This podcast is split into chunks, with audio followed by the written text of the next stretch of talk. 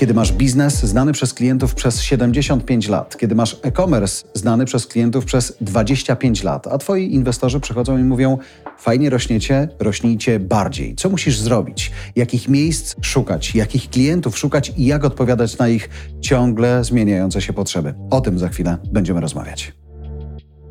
Gdyby biznes, który jest na świecie długo, ma swoją legendę, ma swoją historię, jakoś tam określoną w świadomości klientów przez 75 lat, przyszedł do ciebie i powiedział: Słuchaj, zróbmy coś, żebyśmy rośli szybciej, byli bardziej technologiczni, to to byłaby ciekawa misja, czy skrajnie trudna misja dziś? Kilka lat temu usłyszałem dokładnie taki pitch mm. i mhm. moja odpowiedź na, na niego była tak, mm. ponieważ to jest po pierwsze wyzwanie, E, po drugie trudne e, i po trzecie szalenie interesujące, więc e, nawet z intelektualnego punktu widzenia warto. Domyślam się i rozumiem ten intelektualny punkt widzenia, ale te parę lat temu wydaje mi się, że świat był jasny. Nie masz offline i online, masz e-commerce, każdy coś tam o e-commerce wiedział. Dzisiaj, patrząc po rozwoju technologicznym przez te ostatnie lata i też po tym, jak się rynek zmienił, już nawet zostawiając na chwilę w dużym nawiasie pandemię, to kontekst jest inny. Bo on był jasny z dwóch powodów. Mm generalizując. Pierwszy dlatego, że nie wszyscy, e, czyli penetracja osób kupujących e, online była niższa, mm -hmm. czyli nie wszyscy kupowali online. Więc w konsekwencji tego nie wszystkie firmy decydowały się na to, że te kanały ze no sobą tak. i te procesy muszą po pierwsze ze sobą współpracować, a po drugie być wspierane przez technologię, no bo część firm jeszcze, nie wiem, dekadę e, temu e, z punktu widzenia technologicznego była bardziej IT niż no bardziej tak. E, technologiczna. I to raczej w negatywnym znaczeniu tego słowa IT. Natomiast dzisiaj jest tak, że traktujesz marki, które rozwiązują problemy dla ciebie jako, czy twoje oczekiwania oczekiwanie jako konsumenta jest jako ekspertów. Mhm. E, czyli niezależnie od tego, czy funkcjonują w kanale X, czy w kanale Y, chcesz, żeby za pomocą dobrego doświadczenia, bardzo często wspieranego mhm. technologiami, których ty używasz na co dzień, niezależnie czy to jest mhm. telefon, aplikacja, czy to jest jakiś kiosk, czy cokolwiek innego, realizujesz potrzeby, ale tra jesteś traktowany przez te marki jako eksperta w, te w tej dziedzinie. I to są te marki, które też chcą być traktowane w ten sposób. I całe wyzwanie polega na tym, jak stworzyć takie doświadczenie klienta, takie problemy rozwiązywać, żeby być postrzeganym jako ten ekspert w danej dziedzinie, niezależnie okay. od tego, czy twój produkt, który oferujesz, są produktami masowymi, czy też produktami mm. niszowymi. Czyli odeszliśmy daleko od tego momentu, w którym, no dobra, mamy coś w sklepie fizycznym, wrzućcie to do online'u. Dzisiaj jesteśmy w innej sytuacji, ale to, o czym mówisz, też bardzo często banki zwracają na to uwagę, że ludzie, ich klienci, niekoniecznie mówią młodsi klienci, po prostu współcześni klienci, mają tak dobre doświadczenia z technologią w zupełnie innej przestrzeni, że tego samego żądają od nas, od banków. No bo y, przenoszą to samo, co, co widzą w y, aplikacjach na przykład konsumenckich, z których, czy mm. aplikacjach społecznościowych, z których, z których, korzysta się na co dzień i tego samego poziomu, nie tych samych funkcjonalności, ale mm. tego samego poziomu doświadczenia oczekują od, od firm, z którymi współpracują, od pracodawców, od firm, w których kupują usługi, w których kupują produkty. No i to dźwiga poprzeczkę mm. tym firmom. To oznacza, że pojawia się inwestycje w technologię, to oznacza, że pojawia się potrzeba zmiany wewnątrzorganizacyjna, to oznacza, że potrzeba, pojawia się potrzeba większej i lepszej identyfikacji potrzeb tych klientów, to oznacza również wykorzystanie większej ilości danych po to, żeby zrozumieć tego, jakie te e, potrzeby są. No i to przede wszystkim oznacza, że razem z e, całym tym zestawem musisz się bardzo skupiać na dostarczaniu tego doświadczenia, czy dobrego doświadczenia, dlatego że oprócz ciebie na rynku funkcjonują jeszcze no inni gracze, to może być jakiegoś rodzaju konkurencja, którzy mogą to doświadczenie serwować lepsze. E, I nagle się okazuje, że nawet jeżeli masz jakieś rozwiązania technologiczne, nawet jeżeli masz jakąś sieć sklepów, nawet jeżeli masz jakąś obecność w online, to jeżeli nie zaczynasz Jaką? tego spinać mhm. w jakieś no dobrze tak. zdefiniowane doświadczenie, to Jasne. zaczynasz tracić e, e, rynek, w szczególności wtedy, kiedy Twoją ambicją jest coś zupełnie innego, czyli chciałbyś rosnąć, zyskiwać e, e, ten rynek i to jest wyzwanie dla, dla organizacji. Czyli dzisiaj, żeby rosnąć w, myślę, różnych biznesach, na, na razie nie odkrywam kart, e, o jakim biznesie my za chwilę będziemy rozmawiali, ale żeby rosnąć w różnych biznesach, to jest lepiej słuchać klientów, mieć więcej kanałów, w których możesz im coś sprzedać, czy mieć jak najwięcej produktów, które możesz w ramach poszerzania swojej oferty i szansy na wzrost dawać ludziom. Lepiej rozumieć klientów, mhm. bo jeszcze słuchanie to może być jedno, czyli no tak. nie każda potrzeba wyartykułowana jest, mm. jest dobrze, czyli lepiej rozumieć tych klientów, i potrafić rozwiązywać te problemy. Bardzo często za pomocą technologii, ale nie każdy problem jest rozwiązywany w sposób technologiczny, bo czasami niektóry, albo wy, nie każdy problem będzie rozwiązywany online. Część z tych problemów będzie rozwiązana offline, część z tych problemów będzie też e, determinowana szybkością rozwiązania. Mm. Nie wszystkie rzeczy, które dzieją się online, mogą być zrobione tak samo szybko e, jak e, w offline. I tu wracamy do tego momentu, w którym online się nam zmienił, prawda? To, że kiedyś to było coś pożądanego, ciekawego, intrygującego. Dzisiaj zrobiło się tam mocno konkurencyjnie. Dzisiaj zrobiło się tam drogo też w jakimś sensie. Już nawet nie chodzi mi o prowadzenie tego biznesu, choć też w, w, w kontekście sprawienia, żeby ktoś zauważył go. Nie? Więc zastanawiam się, na ile dzisiaj rzeczywiście e, te dwa światy się zrównoważyły, a na ile wciąż ten online'owy, czyli bardziej technologiczny jest przeważający, nowocześniejszy, przyszłościowy. I zobacz, że to samo jest po stronie tego, co widzisz, czyli na tym frontendzie, ale też po stronie wewnątrz organizacyjnej. Tak? No czyli tak. Miałeś organizację, masz organizację, która na przykład funkcjonuje... stare IT, nie? Tak. Albo, albo funkcjonuje na przykład w e, fizycznych lokalizacjach, lokalizacjach, a z drugiej strony potrzebujesz zrobić część online. E, ale oprócz części online potrzebujesz wszystko to spiąć w procesy, okay. które są zasilane za pomocą technologii, które sprawiają, że ta część offline'owa funkcjonuje lepiej niż funkcjonowała do tej pory, a część online'owa e, jest postawiona w taki sposób, że jest opłacalna. I to jest mhm. wyzwanie dla wielu e, podmiotów dzisiaj w branży, dlatego że online nie zawsze oznacza opłacalność, offline nie zawsze oznacza gorszy, e, gorsze doświadczenie. Mm. Wręcz przeciwnie, bardzo często doświadczenie w e, offline może być dużo lepsze, ponieważ jest lepiej rozumiane, lepiej znane, a doświadczenie w, e, czy budowanie dobrych doświadczeń online może być dużo trudniejsze. Hmm, szczególnie, że mówimy też o takich czasach, kiedy um, sami klienci zaczynają um, chcieć być albo szukają takich miejsc, w których ich obsłużenie jest decydujące, prawda? Jakby nawet cena wtedy nie czyni cudów, tylko, tylko to, z czym oni zostaną i jak często wrócą do danego miejsca. W Polsce wrażliwość cenowa jest bardzo duża, ale to nie oznacza, że ona e, zostawia, że to jest jedyna rzecz, która zostawia po sobie dobre wrażenie, mm. tak? Że jest tanio i to wystarczy, tak. bo jeżeli jest tanio, ale twoje doświadczenie z tego procesu jest bardzo złe, e, to następnym poszukasz razem poszukasz miejsca. gdzie mm. indziej, tak? Ale z drugiej strony pamiętaj też, jak ważna jest siła marki hmm. w całym tym procesie. Dlatego, że wokół marki budujesz obietnice i teraz tych obietnic może być też więcej niż jedna. E, I ta obietnica może być w offline, ta obietnica może być w online, ta obietnica może być w jednego, wokół jednego produktu, drugiego produktu i ona bardzo często się nie kończy tylko i wyłącznie na procesie zakupowym, czyli tak. kupiłem i się skończyło, mm. czyli zapłaciłem i się skończyło, tylko to doświadczenie trwa od momentu, kiedy pomyślałem o danym produkcie i pomyślałem, że mogę go kupić w danym miejscu, aż po moment, kiedy otrzymuję i korzystam z tego mm. produktu i warto, i wiem, że warto go było kupić, bo doświadczenie z procesu zakupowego było na przykład ekstra. I zastanawiam się, czy czasem do nich nie wrócić. Oni, czyli Empik, bo o nim za chwilę będziemy rozmawiali, mają już 75 lat różnego doświadczenia. Co dzisiaj ich napędza, o tym za chwilę porozmawiamy. Naszym gościem już za chwilę będzie Maciej Jakubowski, CTO Empik. Zakładam, że słuchacze lubią takie pytanie. Maciek, dzisiaj z jakim największym technologicznym wyzwaniem CTO Empiku się mierzy? Rosnąć szybciej. Jeszcze szybciej? Jeszcze szybciej. To dobra. We wszystkich kierunkach. Okej, okay, to żeby rosnąć szybko albo szybciej, jakiej technologii dzisiaj potrzebujesz, jakiej ci brakuje, albo może masz wszystko, ale nie wszystko włączone, żeby osiągnąć to, czego szefowie chcą? Och, to y, szerokie pytanie y, i chyba należałoby troszkę Empiku na mhm. początku, bo jakby Empik wyobrażamy sobie, każdy pewnie wyobraża sobie Empik y, trochę inaczej. Empik to online i Empik to, Empik to retail, więc w tych dwóch kanałach ten wzrost będzie trochę inaczej rozumiany. Z jednej strony technologia wzrostu salonów, mhm. które kochamy i każdy ma swój. Nie wiem, czy wy macie swój, ale Podobno każdy Polak ma swój Empik. Więc wzrosty o 100 salonów wymagają tego, żebyśmy byli pewni, że salony są w stanie sprzedawać. Więc tutaj będziemy mówili o stabilności, o dostępności, będziemy mówili o samoobsłudze, będziemy mówili o technologiach wyszukiwania dla klientów y, wewnątrz. Online to zupełnie inna bajka. Bo to jest dostępne 100%, 100% 24 na 7 mm. i tutaj technologie, których potrzebujemy, to te, które będą pozwalały klientowi wyszukiwać wszystkiego, czego chce. Śmiało możemy te światy podzielić, Bartek, online czy offline najpierw? Bierz offline.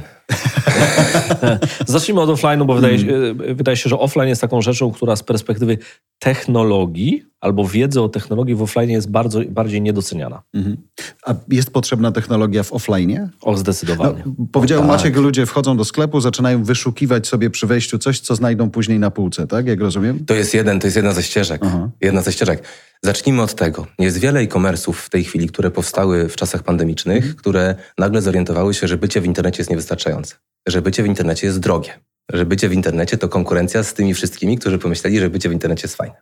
I nagle okazuje się, że jedną, y, jednym z kierunków rozwoju takich firm jest przejście do offline, bo to tam często klienci chcą poczuć ten produkt, zanim go, zanim go y, zobaczą. Szczególnie w Empiku, gdzie no, każdy z nas wąchał książkę, przyznajcie mm -hmm. się prędzej czy później. Więc, y, więc y, dla nas retail jest, y, jest szczególny pod tym kątem.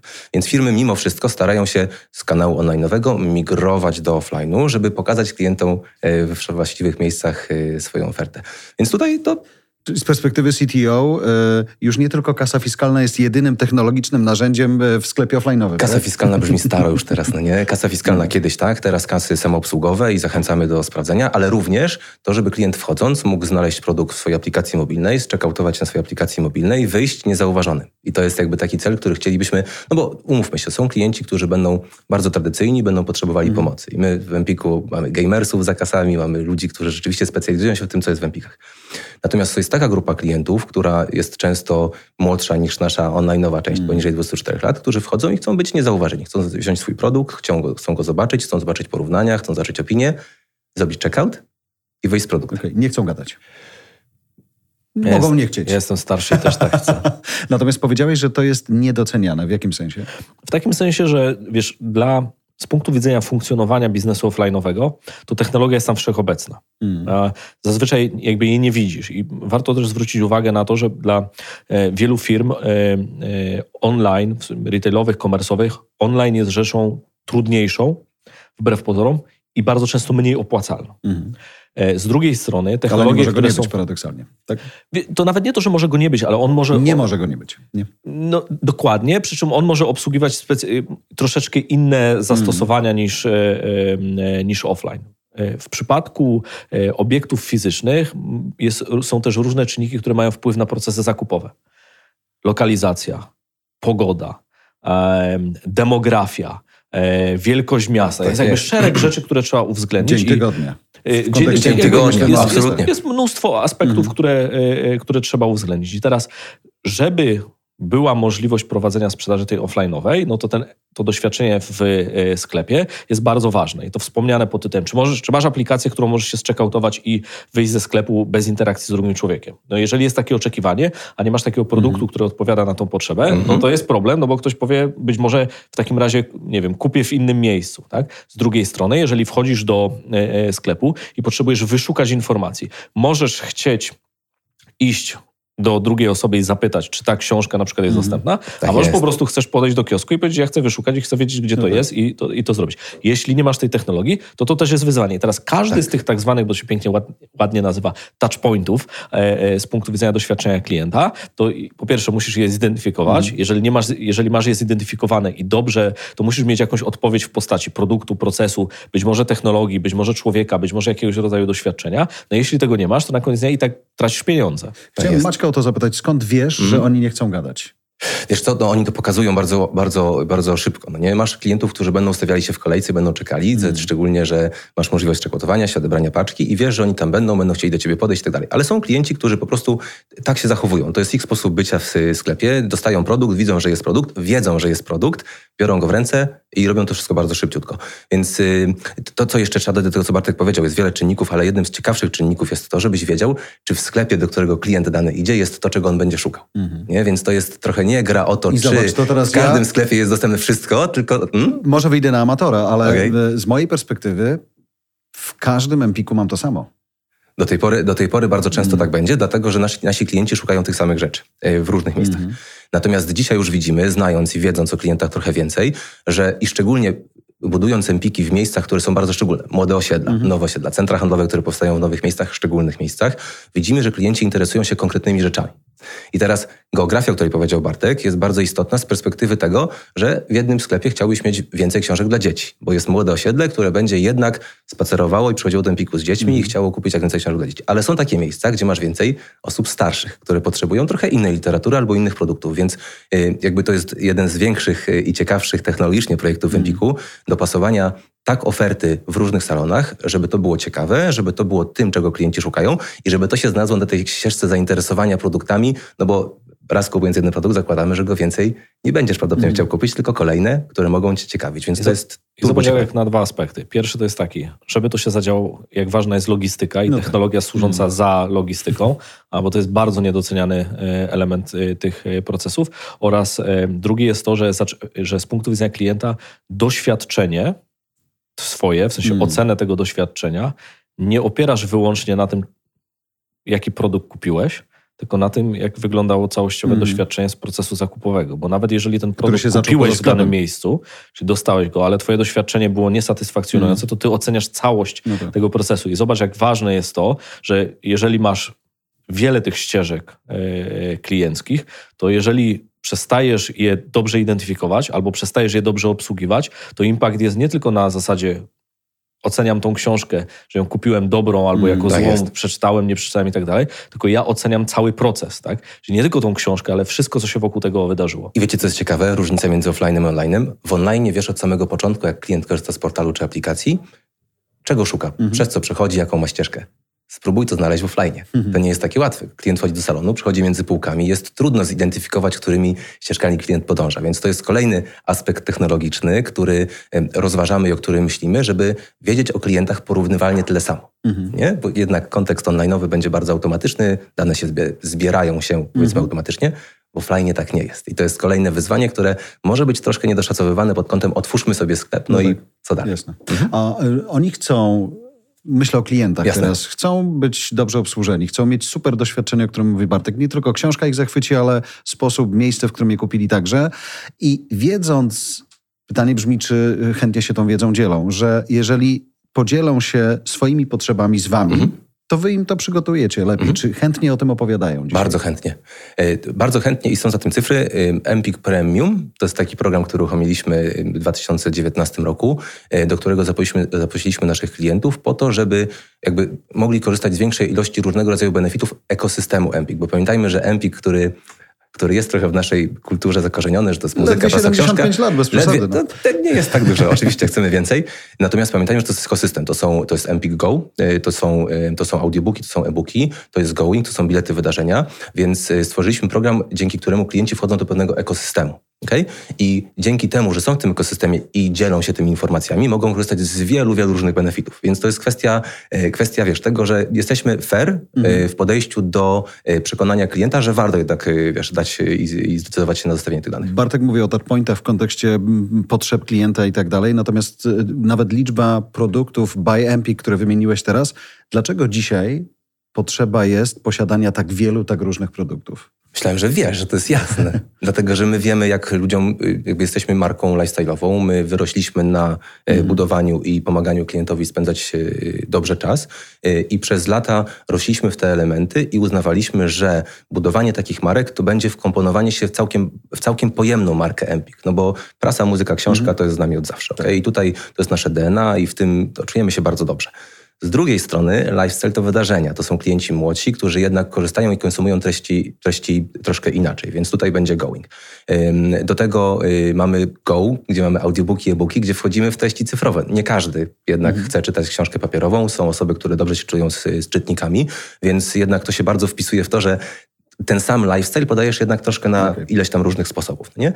I marka, jakbyśmy nie patrzyli na Wik, ona jest bardzo pojemna, nie? Z perspektywy, z perspektywy marek własnych, które za chwilkę, myślę, że już część wystartowała, część klientów wie, ale y, wiele marek własnych, które mają znowu wpisać się w, cały, y, w całe bycie w Empiku, czyli takie, takie bycie w tym ekosystemie, w tym, w tym lifestyle. Czy to jest też, Maciek, Bartek, po to, że jeżeli mamy markę, która ma 75 lat i swoje, swój no, bagaż w jakimś sensie, tak. prawda? On może być pozytywny, negatywny, ale powiedzmy, że ma ten bagaż i ja myślę o nim pozytywnie, że chcecie też y, odkrywać się przed tymi, którzy nie żyli 75 lat temu, nie żyli 60 lat temu no i oni potrzebują czegoś zupełnie innego? No jasne.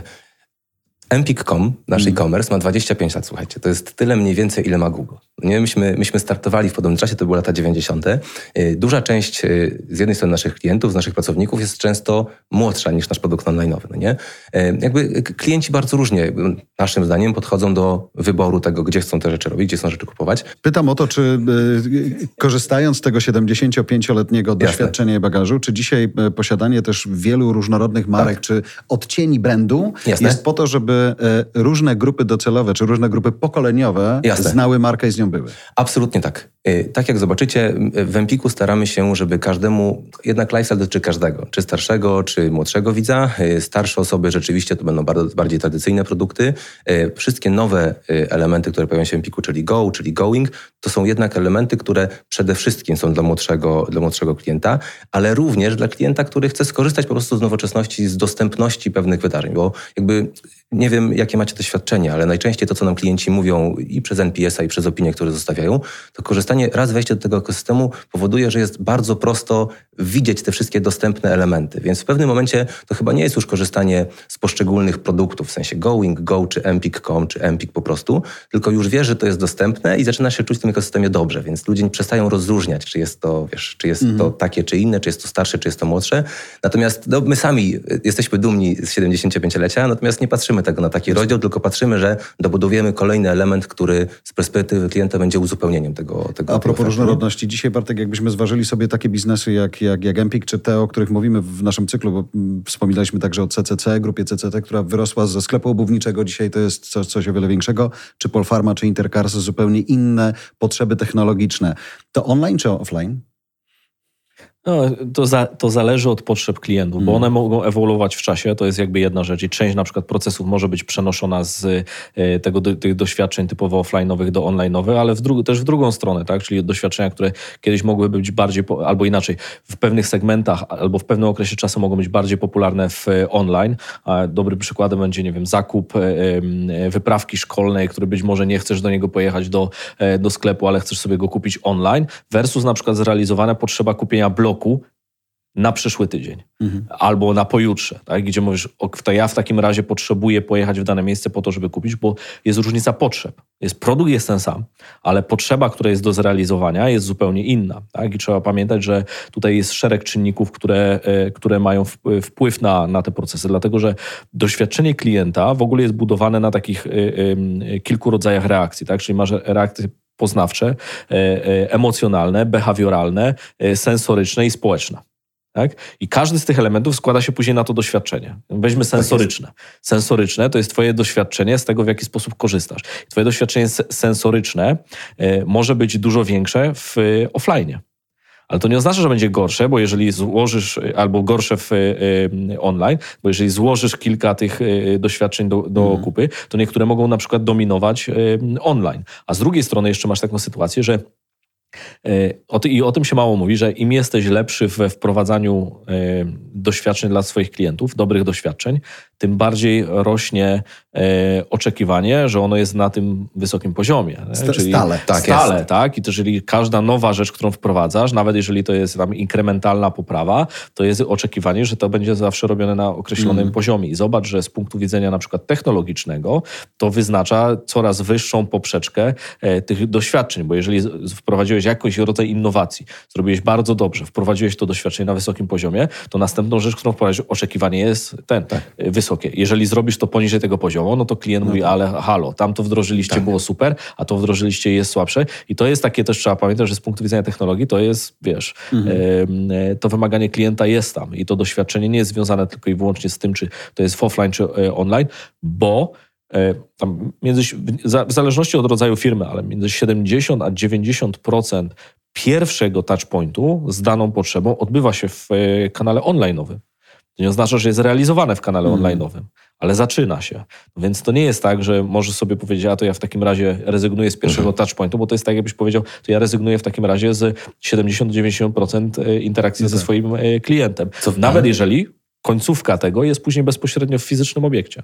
Co więcej, te kanały się przenikają, no nie? bo jednak nie możemy chyba tych kanałów dzisiaj tak bardzo od siebie separować. No nie? Dzisiaj klient zaczynający w jednym kanale, on oczekuje wręcz, że przechodząc do kanału drugiego na kolejny krok, to doświadczenie będzie zachowane. No nie? W Empiku symptomatyczne w tym roku, to co było ciekawe myślę dla słuchaczy i też dla innych odbiorców, będzie to, że myśmy bardzo mocno postawili na to doświadczenie, które w kanałach będzie bardzo, bardzo yy, równe yy, i zauważamy, że klienci korzystający z jednego kanału online'owego zamawiają bardzo często produkty do odbioru w salonie. I nie robią tego tylko dlatego, że mhm. mają taki benefit i mogą to zrobić i Empik jest zaraz blisko, ale przychodzą do salonu, żeby znowu jakby doświadczyć Empiku z innej strony. I to doświadczenie, gdyby doświadczenie w salonie było mierne, albo słabe, albo niezadbane na tym samym poziomie co najmniej jak online, wiedzielibyśmy jak się to skończy. Nie? Natomiast to, co widzimy dzisiaj, to że znaczną, przeważającą częścią interakcji końca zakupu czy odbioru paczki to jest jednak salon. I duża część klientów, to było dla nas bardzo ciekawe w tym sezonie, zdarzały się takie miejsca, gdzie salony jednak, klienci przychodzili salonu częściej, żeby dać paczkę, niż żeby zrobić zakup, co jest, co jest dla nas, dla nas to było mhm. zaskoczenie. No nie? Szczególnie w salonie, w tym y, okresie świątecznym, który był bardzo intensywny. Więc jakby to, co mówi Bartek o doświadczeniu, to jest jedna rzecz, że należy pamiętać, że te poziomy muszą być równe. Druga rzecz, samo przenikanie. No nie? I ten moment przejścia między, jednego kanału, między jednym kanałem a drugim, on jest bardzo trudny do uchwycenia, nie? zaplanowania, zamodelowania, ale tutaj jednak ta koncentracja na tym, żeby klient nie odczuł tego momentu, że och, muszę się znowu zalogować, no nie, albo muszę no zrobić tak. coś innego, to jest druga istota. Ale zobaczcie, słuchając was, myślę sobie, y, przez długie lata hasło e-commerce to było wszystko to, co jest w online. Dzisiaj y, mhm. nawet jeden z was i drugi powiedział, że bez sensu jest rozdzielanie tych światów, że to jest właściwie jeden, jeden świat związany z marką. Gdybyśmy popatrzyli na te 25 lat istnienia Empik.com, to dzisiaj ten wasz e-commerce jest w najlepszym, najtrudniejszym, najciekawszym momencie? On jest chyba w bardzo ciekawym momencie, dlatego że pamiętajmy, że Empikowy e-commerce to nie jest, y, to nie jest tylko produkt Empiku, to jest też nasz marketplace, gdzie mm. mamy ponad 4,5 tysiąca sprzedawców, więc to nie jest, to nie jest taki uniform, to nie jest okay. takie jednorodne. To są produkty, które my sprzedajemy jako Empik, to są też produkty partnerów, nad którymi staramy się je selekcjonować, y, tak żeby klient sam doświadczenie. I jest to o tyle ciekawe, dlatego że zakładamy, zakładamy duże wzrosty y, ofert dla klientów, tak żeby klienci mogli wybierać z szerszej gamy kategorii produktów. Z drugiej strony, zapewniając dostępność, musimy zapewnić to, o czym powiedział Bartek, to też nie chciałbym, żeby to uciekło takie niezauważone, dowieść to do celu. No nie? I teraz wyobraź sobie, że mamy zwiększoną skalę działania, czyli e-commerce, mówimy, że to jest ciekawy moment, będziemy rośli, będziemy dostarczali klientowi inne metody płatności, rozkładanie pewnych rzeczy na raty, płacenie później po tym, jak ten produkt hmm. sprawdzisz, bo to jest bardzo popularne. Ale na koniec musisz to dowieść czyli jakby do, zapewnić klientowi i dostarczenie tego klientowi y, tego produktu zgodnie z obietnicą. Więc z jednej strony skala i wzrost to jest bardzo ciekawy moment. Z drugiej strony oczekiwania klientów, one cały czas się zmieniają. No nie? I chyba nie ma takiego e-commerce'u na świecie, który powiedziałby, że ach, osiągnęliśmy wszystko. Już jesteśmy w takim miejscu, że już teraz się nie będziemy rozwijać. Weźmy y, AI technologię, która pojawiła się i zaskoczyła chyba popularnością wszystkich, natomiast bije rekordy popularności ze względu na to, że rzeczywiście dostarcza kolejny poziom doświadczenia dla klienta. Już teraz nie musisz mówić, że chciałbyś zamówić książkę takiego i takiego autora o takim i takim tytule, tylko mówisz, że chciałbyś zamówić książkę o księciu, rudym księciu Wali. No i jednocześnie jakby modele pomagają ci te produkty znaleźć, ale również inne, które mogą być ciekawe gdzieś tam um, zaraz jako następny ten produkt.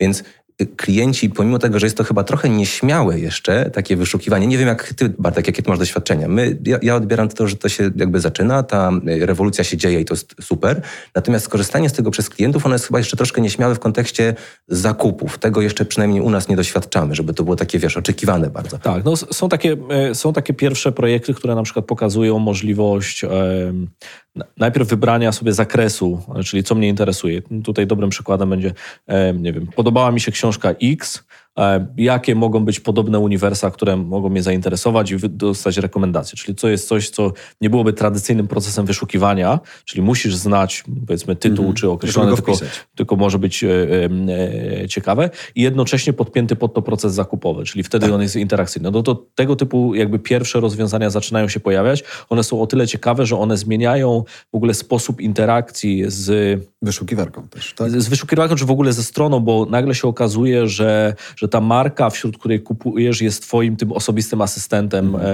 e, tak? I jeżeli masz na przykład, e, jeżeli jesteś czytelnikiem i tam i, mm. i e, przychodzisz po na przykład po książki, eksplorujesz, nie wiem, lubisz science fiction i tak dalej, to nagle z mm, konieczności poszukiwania informacji o tym, co się pojawiło w świecie, w, czy w obszarze książek science fiction, przechodzisz do sytuacji, w której te doświadczenie jest spersonalizowane dla ciebie, nie? I nagle mówisz, to ja teraz rozmawiam z moim ekspertem od książek science fiction e, i dlaczego one są tak dobre, tak? A nawet w samej szerokiej kategorii science fiction są jeszcze podkategorie, do których są jeszcze podkategorie, mm. które mogą ci bardzo odpowiadać. No i później umiejętność poruszania się w tym później sprawia, że na koniec dnia jakby z perspektywy zakupu to jeszcze lepiej konwertuje, no bo siła twojej rekomendacji mm. im lepsza, tym większe prawdopodobieństwo, tak. że wrócisz po kolejną dobrą rekomendację. Ale tak z perspektywy y, twojego stanowiska to to jest chciałem użyć słowa, ale już niech pójdzie. Koszmarny czas, dlatego że tempo rozwoju AI i oswajania się z tym AI-em, który dzisiaj znamy, jest tak duże, że rozumiem, że ciśnienie ogromne. na to, żeby to było tu i teraz jest duże. Ciśnienie jest ogromne i to nie tylko w, y, nie tylko w kontekście klientów i dostarczenia hmm. klientom technologii, ale również organizacji wewnętrznej. O klientach powiedział Bartek, no nie? Ale wyobraźcie sobie, że teraz technologia jest w stanie pomóc nam pisać produkty szybciej, hmm. pisać nowe feature'y szybciej, sprawdzić, czy jakość kodu jest wystarczająca. Jest w stanie odciążyć te wszystkie takie zajęcia, które osoba, która musi zakodować, przygotować kod i przygotować produkt, to, to może zabrać na siebie. No nie? Więc nagle okazuje się, że w tym całym wariactwie, tej całej szybkości, nagle ty przyspieszasz stworzenie tego produktu no nie? i zaczynasz korzystać z tej prędkości, która została ci dana. Więc e, jest to turbo trudne, ale wiesz, to też nie jest tak, że chyba każdy CTO nie robi tego sam, mm, tylko ma od tego jasne. zespoły i są zespoły, które się tym zajmują. Są osoby, szczególnie takie technologie, i to jest bardzo ciekawe chyba w zespołach technologicznych, że te technologie są oczekiwane i ludzie czekają, żeby ta mm. technologia przyszła, żebyś mógł tego spróbować, żebyś mógł nie, przetestować sobie tą technologię, zobaczyć, jak to zadziała. U nas ten test się dzieje i wiem, że są pozytywne rezultaty, y, ale no, to wyścig rzeczywiście mm. trwa, y, dołączamy do niego. Y, czy to jest trudne? Ekscytujące. Mówimy często w, akurat w tej konkretnej serii technologicznie przy różnych biznesach, o których już wspominałem, których skala jest duża i też historyczne bycie na polskim rynku jest, ma też swój, swój ślad, więc to jest fajne i wszyscy marzą o swoim omnichannelu. I go na różne sposoby budują. Pytanie, czy to jest skończona liczba kanałów kontaktu z klientem, czy, czy, czy nieskończona, jak czujecie? Co, co ma sens biznesowy?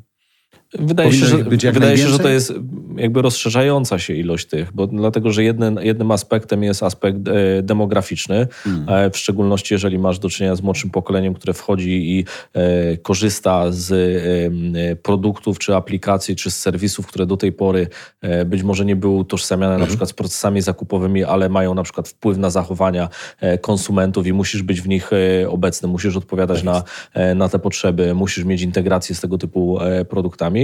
Z drugiej strony oczywiście są pewne rzeczy, które się nie zmieniają, tak? czyli ta logistyka i ostatnia mila, które są takie ważne z punktu widzenia doświadczeń e, klientów, e, nie zmieniają się w rozumieniu tego, że musisz być perfekcyjny w tych rzeczach, mm. ale zmieniają się z punktu widzenia na przykład technologii, ale również oczekiwań klientów. Tak? I są dwa aspekty. Jeden to jest aspekt czysto środowiskowy, mm. czyli impaktu tej ostatniej mili na środowisko, gdzie rośnie świadomość klientów e, w tym zakresie, a jeszcze z innej na przykład pojawiły się te badania, które mówiły o na przykład klientach, którzy negatywnie postrzegają dostawanie zbyt dużych paczek w, tak. w kontekście e, produktu, czyli tam zamawiasz coś, co ma 2, 2 cm na 5 cm, a dostajesz e, pudełko 30 na 40. Ale tak? była pianka. I, i cokolwiek, i, i teraz jakiekolwiek jest uzasadnienie do tego i być może nawet się składa z punktu widzenia biznesowego, mm. tak? To na przykład widzisz, że impact y, y, percepcji y, marki przez klientów jest na ten aspekt negatywny mhm. i musisz zacząć nad tym no tak. pracować. I być może to jest rzecz, której nie przewidziałeś, być może to jest rzecz, która gdzieś tam się nie pojawiała, być może to jest rzecz, która być, nawet może być nieopłacalna, ale ma ten mhm. negatywny mhm. impact i musisz sobie z tym radzić. Więc te kanały one jakby, ich jest wiele. Niektóre oczywiście z nich wygasza, są, no tak. jakby wygaszają, no bo mhm. odchodzą w niepamięć z racji tego, że określone produkty nie są używane, określone serwisy y, przestają być mniej popularne i tak dalej, i tak dalej. Ale to jest takie, jest jakby nieustanna praca. W sensie mm. nie da się powiedzieć, o tam praca nad y, ilością kanałów dla naszych klientów, mamy wszystko, wszystko jest obsłużone i to jest koniec, to nie istnieje coś takiego. Czy dzisiaj Maciek jest tak, że skoro mówimy, jak mówimy o świecie e-commerce'owym, online'owym, w którym w sumie konkurencja jest gigantyczna i te doświadczenia w jednym sklepie, drugim, trzecim mm, wpływają na to, jak będę postrzegał moje doświadczenie mhm. u ciebie w sklepie. To na ile dzisiaj jesteście w stanie reagować dynamicznie na takie potrzeby, o których mówi Bartek, czyli mm, do, doprowadzać do mm, takiego rozmiaru paczek, jakich oczekują klienci, albo innych podobnych cudów, których oni mogą w danej chwili chcieć? Zadresuję paczki, bo myśmy zupełnie wycofali opakowania, hmm. dlatego że klienci chcieli je wycofać stwierdzili, że skoro te kartony przodu są takie duże, o których ty mówisz, szczególnie książki odbieramy w salonach, bo mm. lubimy w salonach je odbierać, to po co nam ten karton? Skoro mogę wziąć książkę do ręki i mm. mieć tą książkę, tak jakbym wziął ją z półki. Niezniszczoną. Niezniszczoną mm. zupełnie. Więc y, jakby to, co nawet jesteśmy wyróżnieni za to, y, my to nazywamy no packingiem, to jest jeden z takich dużych elementów, który wpisuje się bardzo dobrze w zieloną rewolucję, w ESG i jakby my nie chcemy być trendy ani rewolucyjni, natomiast to jest odpowiedź na to, czego, czego szukali mm. klienci. Z drugiej strony mówimy o kanałach. Tak trochę strukturyzując, kanały to rzeczywiście online, offline i będziemy sobie mogli gdzieś tam zejść na niższe kategorie. My koncentrujemy się na produkcie i na tym, żeby rzeczywiście analizować to, w jaki sposób klient chce konsumować produkt i Empik. Są klienci, mówiliśmy o tym, o świecie offline'owym, skupmy się na świecie online'owym. Rzeczywiście oczekiwania klientów to jest nieustanna analiza tego, czego klienci szukają, jak szukają. Empik jest specyficznym miejscem, tak jak będzie CCC czy Intercars, no bo do każdego z tych miejsc wchodzisz no tak. po pewną, pewną rzecz. No nie? CCC to będą buty, Intercars y, pewnie części. części tak. Y, u nas to będą jednak rzeczy związane z, z naszymi kategoriami, które, które promujemy. I trochę inaczej konsumujesz te produkty, inaczej ich szukasz. Trochę inaczej starasz się... Te konteksty są, one nie są, okay. one nie są jednoznaczne. Więc my będziemy bardzo często podglądać naszą, naszą konkurencję, czy naszych przyjaciół z, z zamiedzy, tak to nazwijmy. Natomiast my będziemy specjalizować się w tym, jak klient będzie chciał konsumować nasze treści. Nie? Czyli zaczynając ścieżkę od powiedzmy książki, yy, wiemy, że klient będzie czytał recenzję tej książki, ale bardzo często opinie. No nie? Będzie patrzył, czy są jakieś książki z serii. Będzie patrzył, czy jest to sprzedawane przez Empik, czy jest to sprzedawane przez naszego partnera, bo to będzie miało znaczenie. Będzie patrzył, czy ta książka jest do zobaczenia w salonie i czy możemy bardzo szybko klientowi pokazać dostępność w salonie, tak żeby mógł kliknąć i odebrać za chwilkę w salonie. Mhm. I to będzie dla niego potwierdzone. Więc jednak y, konsumpcja tych treści, które są w Empiku, one będą troszkę inaczej. Pewnie z częściami samochodowymi, czy, czy z mhm. butami, mhm. czy z lekami będzie zupełnie inaczej. U nas te rzeczy, o których mówię, one się bardzo sprawdzają, szczególnie click and collect. No, y, zakładam, że jak ktoś chciałby mieć książkę albo jakiś produkt, prezent, bo mhm. Empik też, pamiętajmy, jest miejscem, które Polacy wybierają jako numer jeden dla prezentów dla kogoś bardzo bliskiego. To jest to takie miejsce, gdzie z badań wynika, że jednak klienci kochają Empik również za to. Więc jak chcesz znaleźć taki produkt i wiesz, że ten produkt jest, to chcesz szybciutko go odebrać, żeby już go mieć. Więc jakby ten kontekst budowania kanałów u nas będzie trochę inny niż w wszystkich innych miejscach, ale no tak jak mówię, podglądamy, podglądamy. To na koniec powiedziałeś, że to, co jest dla ciebie dużym wyzwaniem, czy dla waszego biznesu dużym wyzwaniem, to rosnąć. I to nie jest taki wzrost, o tam 15%, tak nie?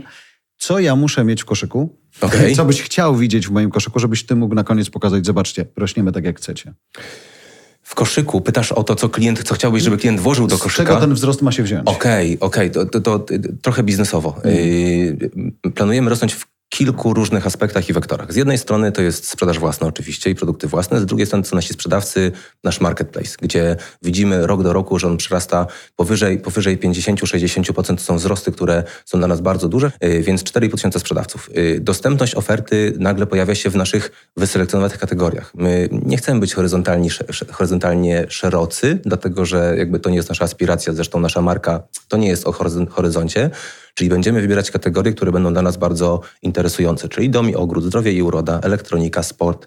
Yy, oczywiście nie zapominając o, naszych, o naszym DNA. Yy, więc yy, co klient będzie miał w koszyku, y, jeżeli mnie pytasz o wzroście, to zakładam, że y, w zależności od tego, z jakim klientem mamy do czynienia, to będzie korzystał z tych kategorii, bo to, co jest ważnego i to, co jest ciekawego, to my przygotowując y, oferty dla klientów, robimy to dokładnie tak samo, jak robimy to z książką. Wiemy, że to będzie dobrze przygotowane. Okay? To nie będzie wszystko, co więcej, to co jest też i bardzo istotne, to jednym z takich dużych, y, dużych elementów wzrostu dla nas to już nie jest sam koszyk, ale również skoncentrowanie się na elementach, które y, są gdzieś tam poszukiwane przez naszych sprzedawców, bo chcemy, żeby nasi sprzedawcy mieli dużo narzędzi, którymi mogą być dobrzy w swojej sprzedaży, mm. tak, żeby te produkty pojawiać w naszym marketplace. Więc tutaj będzie wiele My to nazywamy value added services, które gdzieś tam będą w naszym marketplace dobudowywane, tak żeby każdy sprzedawca wiedział, że Empik to będzie to miejsce wyboru, na którym będzie chciał sprzedawać. I to będzie ta platforma, gdzie będą się czuli najlepiej. Z jeszcze innej strony to są oczywiście elementy związane z mediami, bo klienci chcą oglądać różne elementy, chcą oglądać różne treści, więc chcemy również udostępnić to, żeby nasi partnerzy biznesowi mogli w Empiku również takie rzeczy wyświetlać, czego do tej pory nie robiliśmy, ale wiemy, że jest takie zainteresowanie, więc tych lewarów pewnie mm. spędzilibyśmy kolejny taki podcast, mm. żeby tylko o tych lewarach porozmawiać. Natomiast w koszyku to, co chcemy, to żeby przede wszystkim rzeczy w koszyku były w większej ilości kategorii, ale dokładnie tak samo dobrze, jakościowo przygotowane, jak robiliśmy to do tej pory z książką, prasą i muzyką. I teraz wracając do tych touchpointów. Szukałem lepszego polskiego słowa, ale zostawię. Będzie, będzie mądrzej, Punkty przynajmniej brzmiało.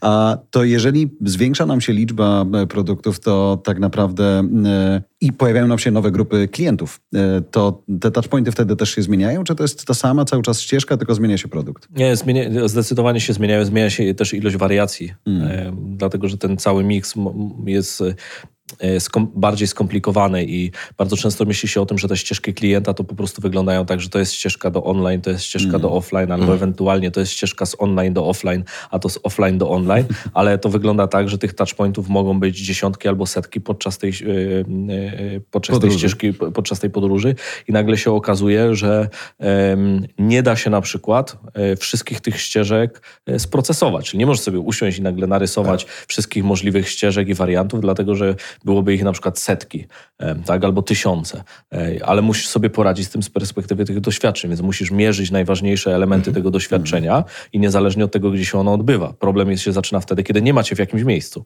tak, tak. bo nie jesteś w stanie tego nawet zmierzyć.